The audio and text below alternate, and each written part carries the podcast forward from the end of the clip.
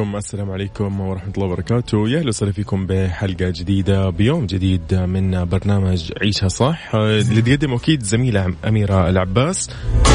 اليوم أنا معكم أخوكم وصديقكم يوسف مرغلاني. راح اليوم نستمتع بالثلاث ساعات هذه ونتعرف أكثر على هذا البرنامج من من ناحية المواضيع ومن ناحية الأخبار ومن ناحية الفقرات الخاصة الموجودة فيه. تسمعوا دائما من عشرة إلى واحدة ظهرا من الأحد إلى الخميس. طبعا أكيد نحب نرحب أيضا بكل من يسمعنا في سيارته متجه لعمله أو منتهي من دوامه أو سواء كان في وقت البريك. عزيزي أقول لك يسعد صباحك. أيضا لو أنك تتواصل معي الآن على الواتساب وتقول لي أنت وين حاليا خلينا نصبح عليك ونعرف أخبارك. ارسل لي على صفر خمسة أربعة ثمانية وثمانين أحداش سبعمية. صفر خمسة أربعة ثمانية وثمانين أحداش سبعمية. أيضا طبعا لا تنسى إنه تقدر تتواصل معنا وأكيد تتعرف على كل الأخبار وكل اللي تشوفه في الإذاعة راح يكون موجود في منصات التواصل الاجتماعي على تويتر واتساب آه أيضا إنستغرام فيسبوك آه وسناب شات آه يوتيوب.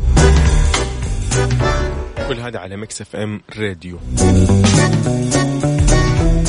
تحية لكل من يسمعنا عبر تطبيق Mix FM على جواله أو من الجهاز المحمول اللي معه.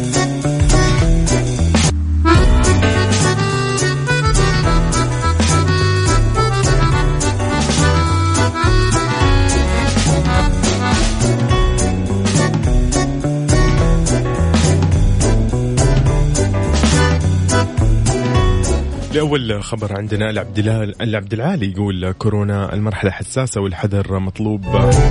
المتحدث الرسمي لوزارة الصحة دكتور محمد العبد العالي كشف أنه جائحة كورونا في المملكة تمر بمرحلة حساسة تتطلب المزيد من اليقظة والحذر.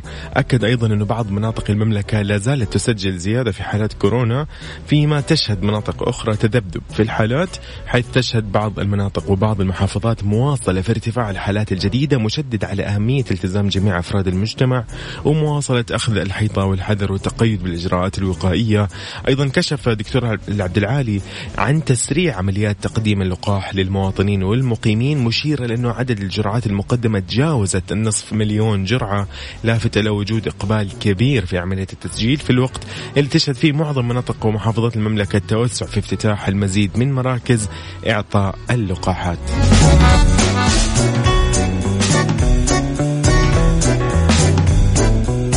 يعني الموضوع سهل جدا. سجل يا حبيبي وروح خذ اللقاح. بإذن الله في العافية وبإذن الله خلينا نقول إن شاء الله الجائحة يعني خلص في آخرها يعني.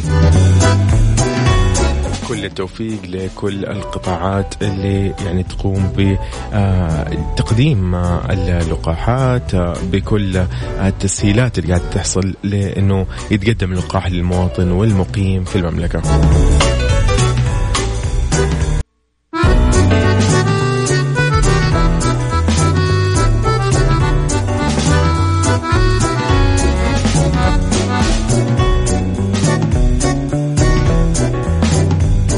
لخبرنا الثاني الفني نادين نجيم عن ابنتها تقول تشبه أميرات ديزني. نشرت الفنانة نادين نجيم مجموعة مجموعة صور لها ولابنتها هافن وظهرت هافن بالصور بجمال لافت بعد ما صورتها والدتها بالفلتر الخاص فيها وعلقت نادين على صور ابنتها قالت كأنها من أميرات ديزني بالفلتر الخاص بي. طبعا تتمتع هافن بجمال مميز ما شاء الله تبارك الله. فهي تحمل بعضا من ملامح والدها الأشقر وجاذبية وجمال ونعومة والدتها السمراء وهي من المواصفات التي أوصلتها إلى لقب ملكة جمال لبنان. ومن ثم إلى مجال التمثيل اللي توفقت أو تفوقت فيه وأصبحت من أبرز نجماتها في الوطن العربي. طبعا كانت نادين قد طرحت فلتر خاص فيها يعني اسمه Muse عن طريق إنستغرام وقالت إنه قررت أطلق هذا الفلتر بعد ما اصب يعني أصيبت بانفجار بيروت عشان تغطي الندوب على وجهها وقالت إنه هذا الفلتر يساعد على منح الوجه النضاره لما يكون الوجه مرهق.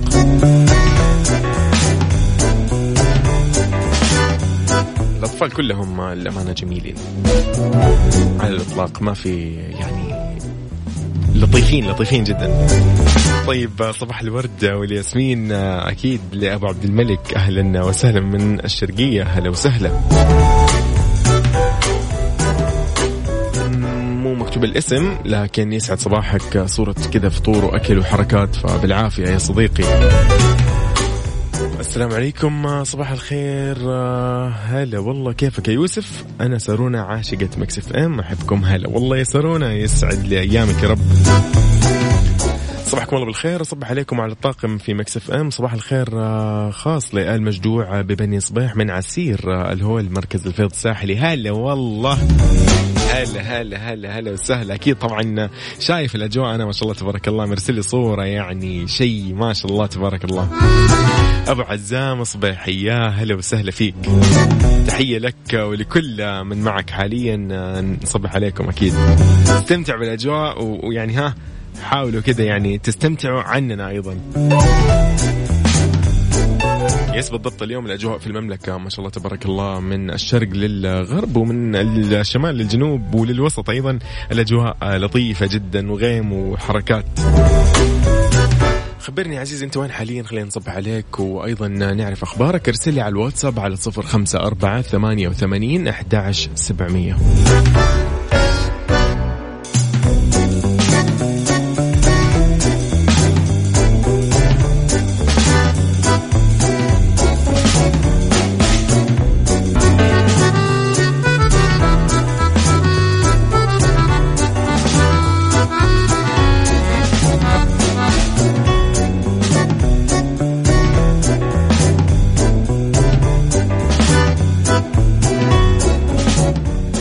الشمس آه، صيحة جديدة تغزو ال social media والأطباء إيش يسووا؟ يحذروا بعد ما حصدت ملايين المشاهدات على تطبيق تيك توك سارع خبراء في صحة الجلد للتحذير من خطورة إحدى صيحات التجميل الحديثة اللي تعتمد على صب الشمع السائل في جميع أنحاء الوجه من أجل الحصول على بشرة ناعمة.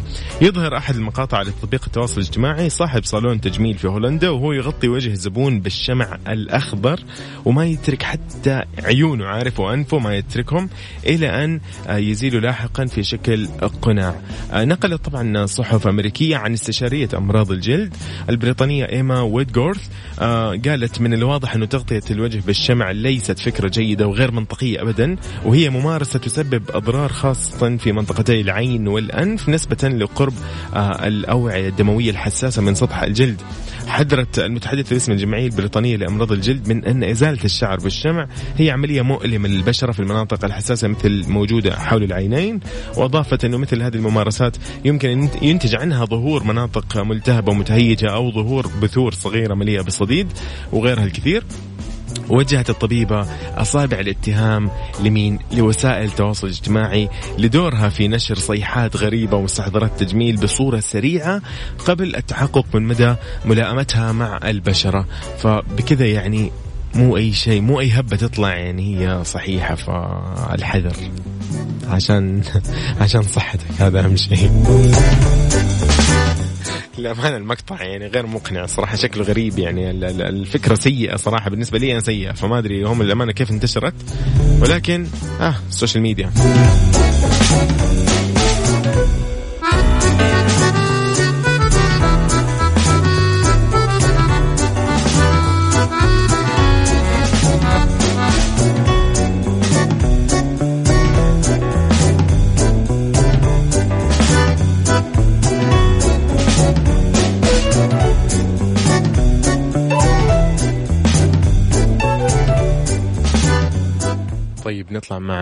كمان آه. إيه؟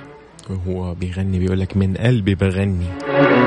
وأنا معاك استمتع يا عزيزي على Mix FM. آه، تابعني على كل منصات التواصل الاجتماعي على اسم Mix FM Radio. أيضا لا تنسى إنه تقدر تتواصل معي على الواتساب الخاص بالإذاعة على 054 88 11700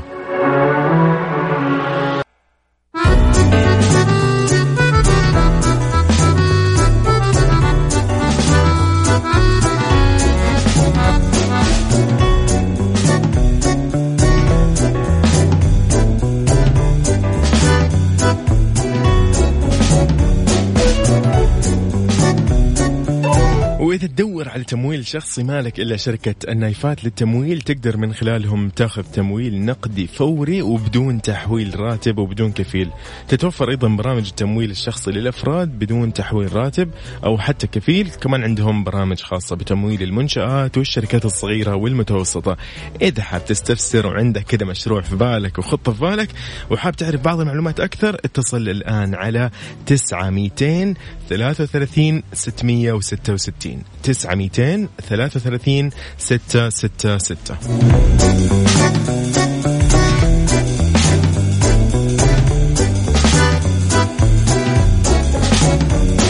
عيشها صح مع أميرة العباس على مكتف أم مكتف أم هي كلها في المكس.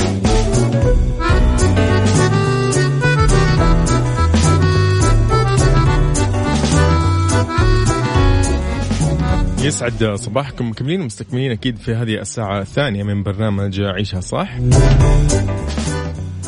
أحييكم أكيد أنا يوسف مرغلاني. راح أكيد في هذه الساعة نتكلم ونتعرف ونحاول نوصل لحل من هذه الأمور اللي ممكن نواجهها في حياتنا. اليوم موضوعنا وعنوان تدمير أم تطوير. في ظل خلينا نقول التسارع الرقمي اللي قاعدين نشهده في هذا الزمن ووصول يعني منصات التواصل الاجتماعي غريبة جديدة سريعة جدا نمطها أسرع ويعني خلينا نقول أقل جهد ممكن تبذلوا عليها. وسائل تبادل أيضا المحادثات المكتوبة الصوتية مرئية غيرها أشياء كثيرة جدا.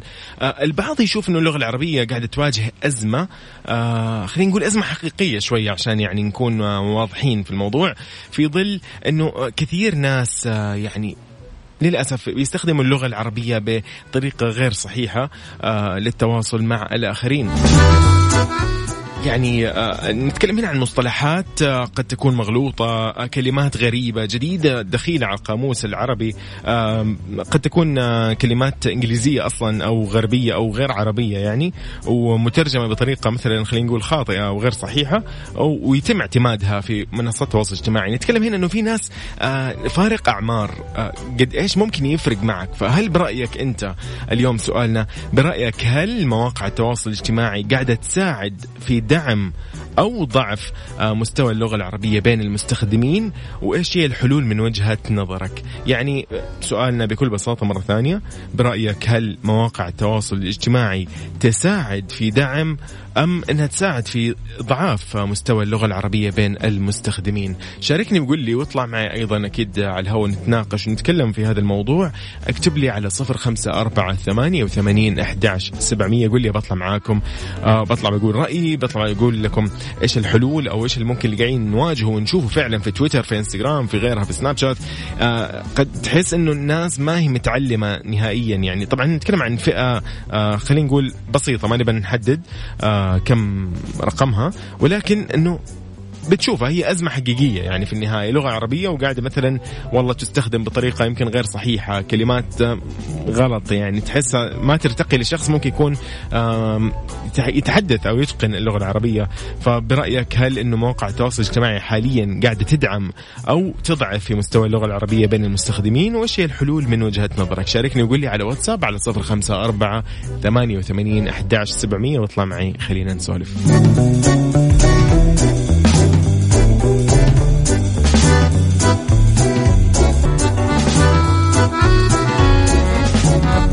البعض يشوف إنه في زماننا هذا يعني يعني ممكن خلينا نقول آه، مبسوطين أو يعني عندنا كثير من الكلمات واللغات واللهجات. وهذه أحيانا خلينا نسميها الأنساق أو النسق يعني. تتداخل أحيانا وتتعايش فيما بينهم. ولكن يعني قد تضع حواجز من شأنها إنها تعرقل عملية التواصل في المجتمع. آه البعض يرصد أحيانا نزوع من جانب الشباب بشكل عام في مواقع التواصل خلينا نقول مثال إنه مثلا يصنعوا دائرة لغوية مغلقة للتواصل الاجتماعي فيما بينهم فمما هذا يقول لك يجعل من الصعب على الأجيال الأكبر سنا التواصل معهم. في ظاهرة يمكن أن نجد لها مثال مشابه في الولايات المتحدة الأمريكية فيما يعرف بلغة الجامعة. يقول لك هناك الطلاب يبتكروا آه آلاف الكلمات والاختصارات سنويا داخل دوائر التواصل فيما بينهم. ولكن اللوم هنا ما يكون فقط على الشباب أكيد آه اللي أصلا يلاقوا سهولة في اللجوء إلى لهجات عامية أو رموز وأحرف غريبة للتواصل كتابة آه عبر الوسائط اللي هي الخاصة بالتكنولوجيا الحديثة. فبعض الكتاب والمفكرين يستخدموا لغة معاصرة أيضا مليئة بالغموض والمفردات اللي يصعب فهم سياقها في كثير من الأحيان بينما يقول لك يجنح كتاب آخرون إلى تصعيب المهمة. على الشباب من خلال انه يستخدم مفردات وتراكيب صعبة وقديمة جدا. تخلي الشباب ينفروا من الفصحى مثلا. خلينا نقول مع إنه ما حد ينفر من الفصحى ولكن كثير يعني عارف إذا ما كان هو متأسس تمام أو ما كان عنده الشغف أو الحب ممكن ما راح تعجبه الفكرة أصلا. فراح يعني يبعد عن القراءة بشكل عام ويلاقي صعوبة في الكلمات اللي يلاقيها في هذه الكتب. فعشان كذا يعني يا تلاقي يا يمين يا يسار. ما, ما في وسط عرفت؟ فهنا الموضوع يختلف وهنا نقدر نحكم ونقول والله آه اذا إذا مين مين السبب يعني؟ ما نقدر نحط اللوم كله على الشباب اللي ممكن يختصروا ويلاقوا أشياء سهلة عشان يمشوا فيها أمورهم. لا أيضا الكتاب والمفكرين اللي ممكن يستخدموا كلمات صعبة أو سهلة آه جدا سهله لدرجة إنه يعني يطلع الكتاب غير مناسب صراحة. أو المحتوى خلينا نقول.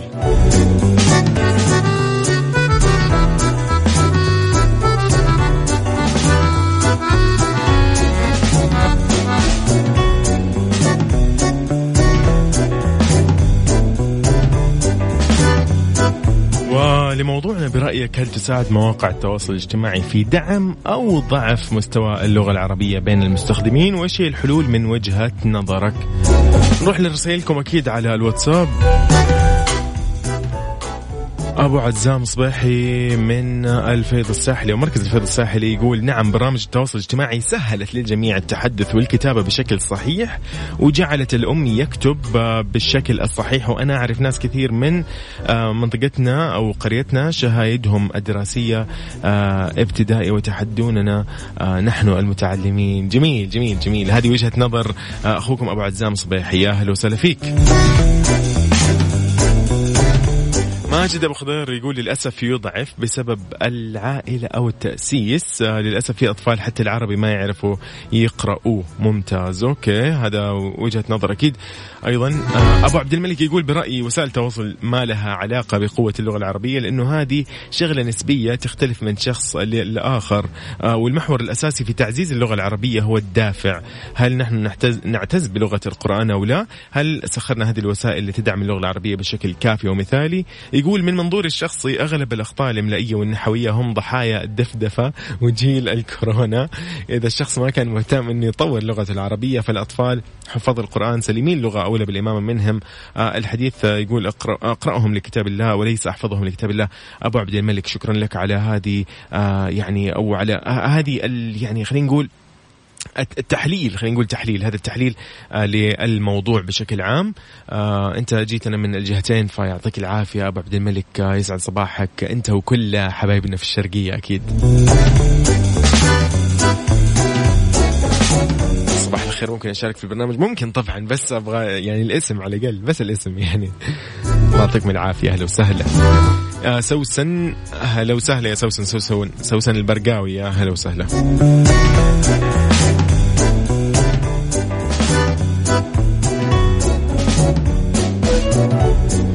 عزيزي اللي تسمعني حاليا قل لي برأيك هل مواقع التواصل الاجتماعي تساعد في دعم أم أنها تساعد في ضعف مستوى اللغة العربية بين المستخدمين؟ وإيش هي الحلول من وجهة نظرك؟ شاركني وقول لي. وأيضا اطلع معاي الآن خلينا نسولف هنا على الهواء أنا بتصل عليك بس قول لي بطلع معاك ارسل لي على الواتساب على صفر خمسة أربعة ثمانية وثمانين أحداش سبعمية.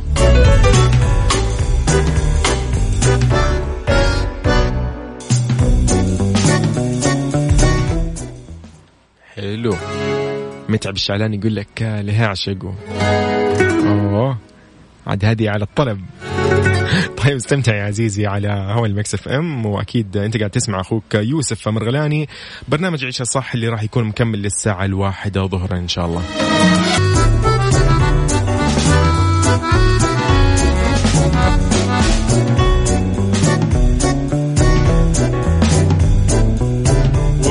بحديثنا إنه هل إنه مواقع التواصل الاجتماعي قاعدة تساعد في دعم أو إضعاف مستوى اللغة العربية بين المستخدمين وإيش هي الحلول من وجهة نظر كل شخص. آه السلام عليكم. هذه رسائل الواتساب. السلام عليكم. أسعد الله مساكم معكم وفاء بالنسبة لي أشوف مواقع التواصل ما لها دخل بأنها تضعف اللغة ما تقويها وبشكل عام هي تدعم أكثر ما تضعف لكن مواقع التواصل مو مكان مناسب للتعليم.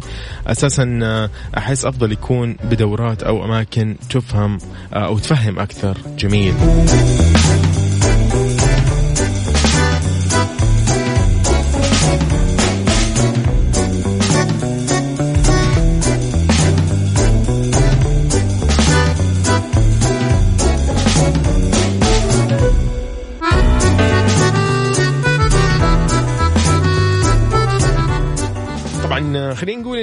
لا تزال الطبقة المتوسطة هي الحامل لما يمكن ان نسميه الروح اللغوية الوسيطة في كل الأحوال.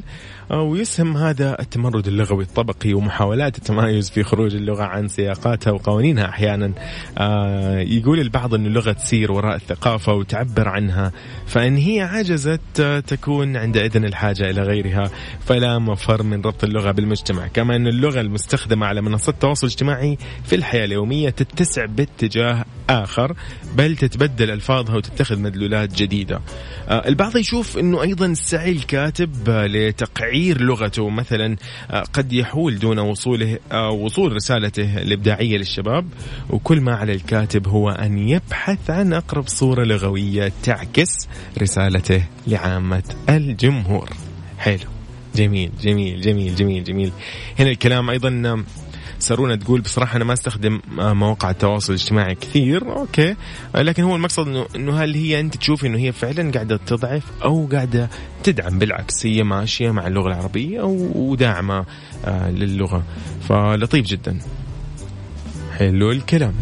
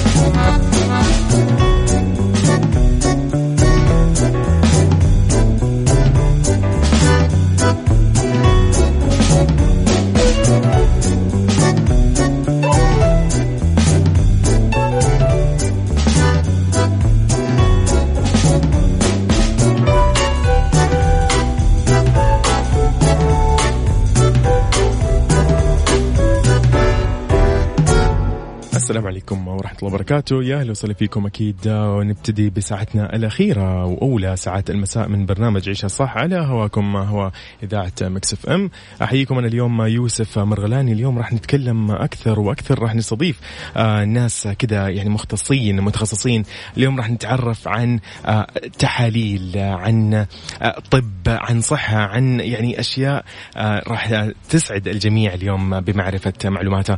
اليوم ضيفتنا راح تكون دكتورة رانيا علي عمار استشاري التحاليل الطبية المدير الطبي لمختبرات تبيانا الطبية. خليكم معايا بعد الفاصل راح ندخل أكيد ونبتدي ب أكيد استضافة الضيف اليوم.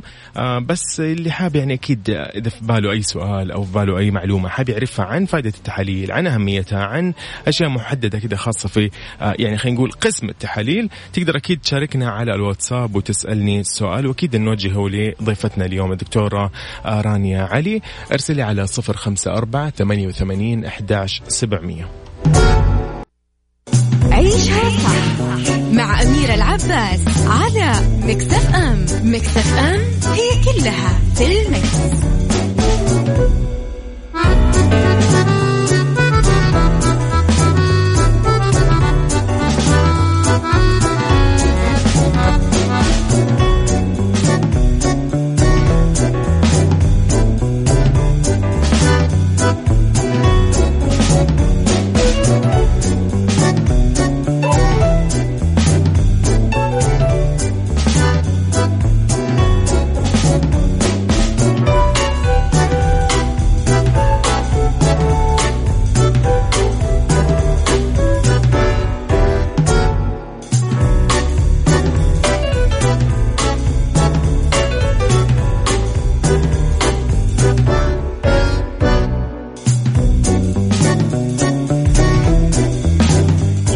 وسهلا فيكم. أكيد نبتدي ب أكيد الاستضافة واللقاء مع الدكتورة رانيا علي عمار استشاري التحليل الطبية المدير الطبي لمختبرات تبيانا الطبية. أهلا وسهلا فيكي دكتورة رانيا على هواء إذاعة مكسف إم.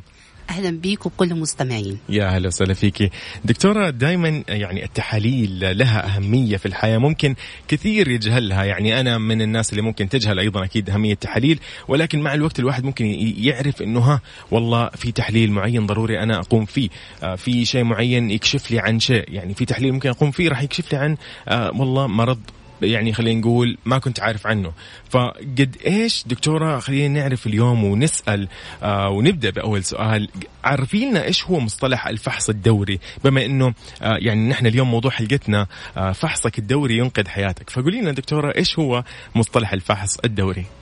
بالفعل زي ما ذكرت في كتير من الناس بتجهل أهمية الفحص الدوري الشامل وأهميته في الكشف المبكر عن الكثير من الأمراض. وما بيفكرش أنه يروح يزور الطبيب إلا إذا كان بيشتكي من عرض معين. في حين أن بعض من الأمراض وكتير من الأمراض بتبقى صامتة بمعنى أن ممكن الإنسان يصاب بيها وما عندوش أي عرض وبتبقى الحالة الوحيدة للكشف عنها ساعتها هي التحاليل الروتينية وزيارة المختبر. جميل. بعد الأمراض الصامتة اللي ممكن يصاب بها الإنسان من غير ظهور أعراض أما مرض السكر مرض التليف الكبد الأمراض القلب المرض السكري مرض الكبد الدهني هشاشة العظام سرطان عنق الرحم سرطان القولون التهابات الكبد الوبائي. كل الأمراض دي بيصاب بها الإنسان ممكن يصاب بها الإنسان في صورة صامتة وبتفضل التحاليل هي الطريقة الوحيدة للكشف المبكر عنها. جميل جميل. دكتورة طيب قد إيش ممكن يعني الشخص بما إنه إحنا قلنا قبل شوي إنه إيش الأمراض اللي ممكن يكتشفها عن طريق التحليل الدوري طيب إيش هي أهم التحاليل الروتينية للفحص الدوري؟ أهم التحاليل الروتينية اللي بننصح الناس كلها ونؤكد أنها تقوم بإجراءها بصورة دورية منتظمة صورة الدم الكاملة تحليل وظائف الكلى والكبد دكتورة اسمحي لي بس بعرف اللي ما يعرف إيش هي صورة الدم الكاملة ممكن ممكن الكل يعني ممكن سواها في حياته أو جربها لكن ما هو عارف إيش هي بالضبط. آه، صورة الدم الكاملة ال complete blood picture دي بتبين للإنسان مستوى الهيموجلوبين آه، آه، بتساعد في الكشف عن الكثير من ال- الأنواع الأنيميا وفقر الدم. آه، بتساعد في الكشف على آه، مستوى الصفائح الدموية عند الإنسان. ودي ليها علاقة بالنزف والتجلط وبتساعد في الكشف في التفرقة بين الالتهاب البكتيري والفيروسي. أوكي. في آه، حاجات كتيرة وأمراض كتيرة ممكن تكتشف في عن طريق صورة الدم. آه، آه، ذكرا على الأمراض الصامتة. صورة الدم البسيطة ممكن تساعد في الكشف المبكر عن ال- اللوكيميات والسرطان بتاعة الدم وبالتالي هيساعد في ال- الوصول لنتيجة مرضية للعلاج وتجنب المريض للمضاعفات بتاعة المرض. جميل جميل. آه نيجي على تحليل تاني برضو من ضمن التحاليل الروتينية اللي بيوصى آه بقيامها بفترات متقاربة. وظائف الكلى والكبد آه، مستوى الدهون في آه، الدم آه، طبعا كلنا عارفين الكوليسترول والخطورة. بتاعته وخطورة معدلات ارتفاع الكوليسترول الدهون عالية الكثافة والدهون منخفضة الكثافة اللي. بتلعب دور مهم جدا في إصابة الإنسان بالجلطات الدهون الثلاثية وأثرها على البنكرياس وأداء الوظيفة بتاعته كل ده ممكن أصاب بيه يكون أنا عندي خلل في مستوى الدهون في الدم من غير ما يكون عندي عرض واضح. جميل. التحليل الروتينيه هتساعد في الكشف المبكر عن الأمراض دي. جميل. دكتور بس بسأل أيضا عن مثلا لو قلنا أنه أنا والله شخص عمري اليوم والله 25 سنة إيش التحاليل اللي أنا المفروض أبدأ أسويها؟ بما أني أنا مثلا شاب 25 سنة آه، إيش الأشياء ممكن وما عندي سجل مثلا في العائلة؟ لا مرضى يعني مثلا لا اللي هي الأمراض المزمنة ولا شيء مثلا لكن أنا حاب أطمن على نفسي دائما إيش إيش الفترة تقريبا؟ المعتقد الشائع قديما إن الإنسان الكبير اللي سنه كبير بس هو اللي بيروح يكشف هو اللي. بيروح يعمل التحاليل لكن دلوقتي في الوقت الحالي كل منظمات الصحة العالمية وكل ال- المجلات الطبية وكل ال- ال- النظم الصحية لكتير من البلدان بتوصى بداية من سن العشرين بإجراء التحاليل الروتينية آه، بصرف النظر عن آه، وجود أعراض. آه، في تحاليل روتينية ممكن بينصح بيها الطبيب بعد الزيارة باجرائها بفترة آه، زمنية آه، قريبة عن سن العشرين وبفترات زمنية متقاربة إذا كان في تاريخ وراثي لبعض الأمراض في العيلة. زي مثلا مرض السكر وده أبسط حاجة ونسبة الإصابة به عالية. وجود مرض السكر في عيلة من العائلات هيستلزم إن الإنسان اللي من العيلة دي هيقوم بصفة. آه، بصورة متقاربة أكتر من الإنسان الطبيعي بفحص مستوى السكر في الدم جميل جميل طيب دكتور أيضا لو شوي ندخل على موضوع اللي هو يعني بما إنه إحنا تكلمنا عن الأعمار زي نبدأ نب- مثلا نقول مثلا من العمر العشرين نبدأ والله نروح آه، نسوي تحاليل. الدم. سواء الرجل أم آه، ام أم سيده آه، طب بالنسبة مثلا الشباب يعني نتكلم إحنا عن الأعمار الأقل في شيء محدد؟ إذا كان السجل العائلي زي ما تفضلتي وقلتي قبل شوي إنه والله ممكن أمراض تكون مزمنة سكري وغيرها. إذا كان الأعمار فوق أقل من العشرين برضه هل يلزم إنه نسوي تحاليل إذا كانوا مراهقين خلينا نقول؟ أكيد. آه، كلها برضو هتندرج تحت التحاليل الروتينية والفحص الدوري الشامل. اللي هرجع برضو أعيد تاني غير صورة الدم الكاملة ووظائف الكلى والكبد آه، والهرمونات الغدة الدرقية ومستوى السكر آه، تحليل البول بالرغم من تحليل البول من التحاليل البسيطة جدا إلا أنها بتساعد في الطبيب في الكشف عن الكثير من الأمراض آه، تحليل البراز. آه، في بقى آه، أعمار معينة بيوصى بإجراءات لتحاليل معينة من ضمن برضو التحاليل الروتينية. بمعنى أن فوق ال 40 سنة أيوة. بيوصى بعمل بعض التحاليل زي الدم الخفي في البراز للكشف المبكر عن سرطان القولون وسرطان الأمعاء وده بيعتبر من أخطر أنواع السرطانات اللي ما بيبقى آه، لا قدر الله بيصاب به الإنسان من غير أي عرض. والكشف المبكر ليه بيساعد في آه، الوصول لعلاج آه، مناسب في وقت أقل. جميل جميل. دكتور أكيد راح نطلع فاصل بسيط ونرجع أكيد نستكمل كل أسئلتنا ومحاورنا حول هذا الموضوع. أكيد مستمعينا اللي عنده أي سؤال سؤال أو استفسار حاب يطرحه على ضيفتنا اليوم الدكتورة رانيا علي آه، المدير الطبي لمختبرات تبيانة الطبية استشاري التحاليل الطبية يقدر أكيد يرسل لي على الواتساب سؤال على 054 88 11700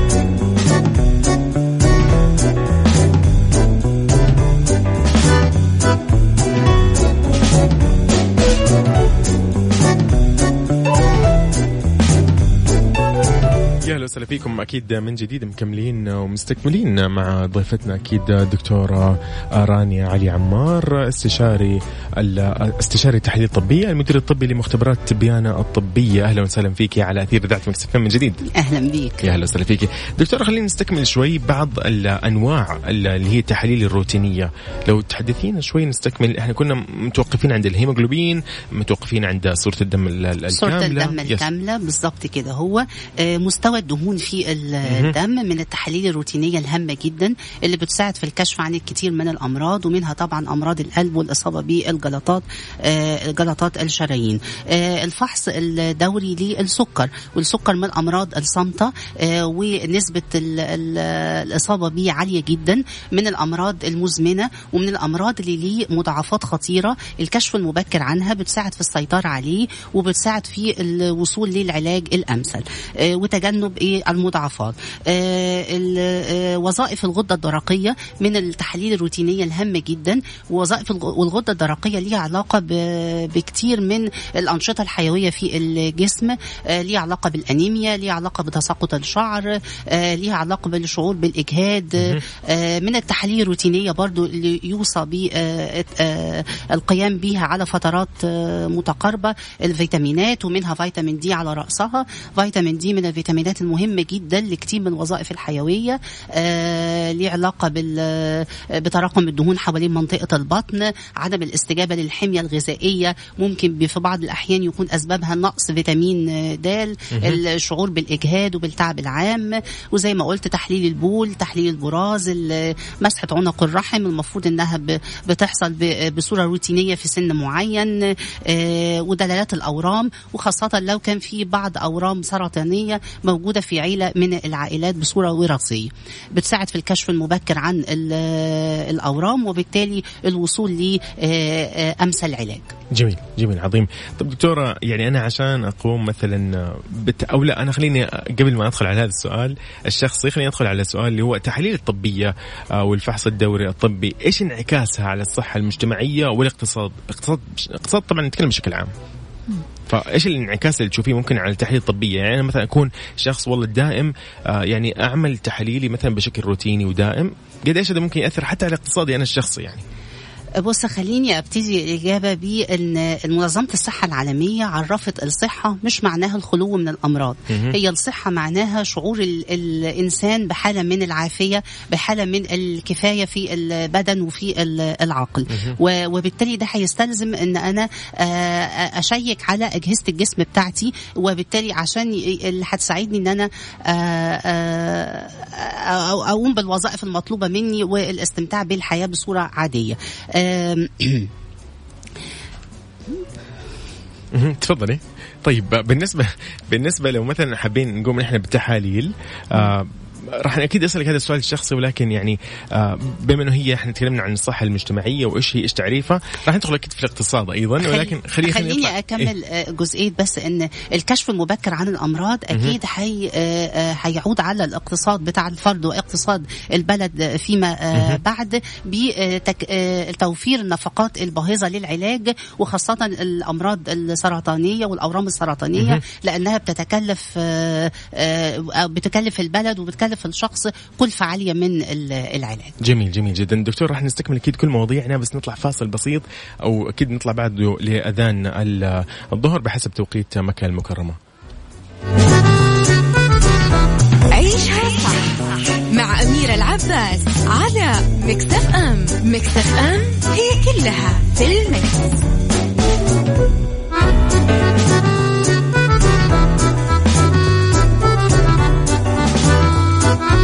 يا أهلا وسهلا فيكم. أكيد من جديد. السلام عليكم ورحمة الله وبركاته. أكيد مكملين معنا ضيفتنا اليوم دكتور رانيا علي عمار استشاري التحاليل الطبية والمدير الطبي لمختبرات تبيانه الطبية. يا أهلا وسهلا فيك دكتوره من جديد.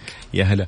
دكتورة في أحد المستمعين سأل هنا سؤال يعني لو نقدر نفيده أكيد. السلام عليكم. مساء الخير. إذا أحد عنده أو مريض سكري لما إذا أخذ علاج السكر هل راح يروح أم إنه هو يضطر يعالج فيه إلى أن يروح؟ نهائي. ف هو مرض السكر من الامراض المزمنة. بمعنى إن إذا حصل إصابة لل- للإنسان بمرض السكر بيفضل عنده مرض السكر آه، على طول. ولكن متابعة المستوى السكر في الدم آه، بصورة دورية منتظمة هتساعد الطبيب إنه ي- يغير جرعات العلاج بتاعة الدواء هيساعده في السيطرة على مستوى السكر وبالتالي تجنب المضاعفات الخطيرة اللي ممكن تحصل للارتفاع أو الانخفاض لمستويات السكر في الدم.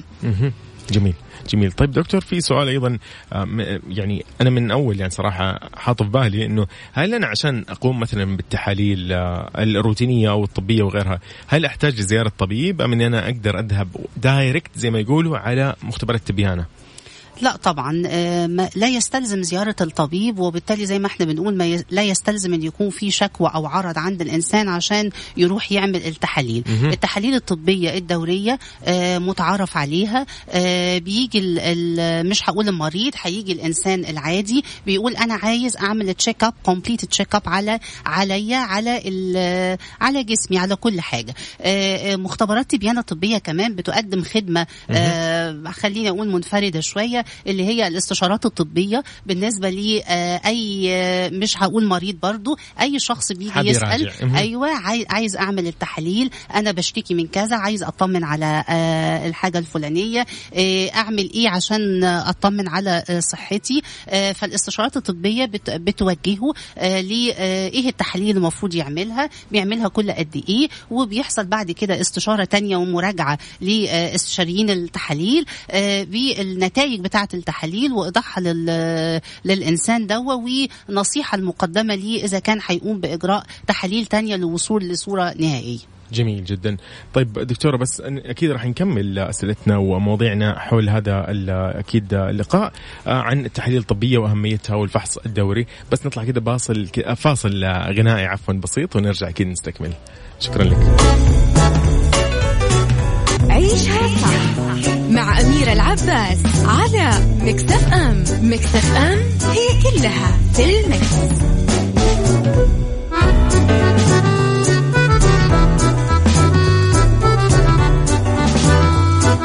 إذا يا أهلا وسهلا فيكم من جديد. آه، موضوعنا مكملين وأكيد فحصك الدوري ينقذ حياتك. ضيفتنا اليوم دكتورة رانيا علي عمار استشاري التحاليل الطبية المدير الطبي لمختبرات تبيانة الطبية. أهلا وسهلا فيك دكتور مرة من. جديد.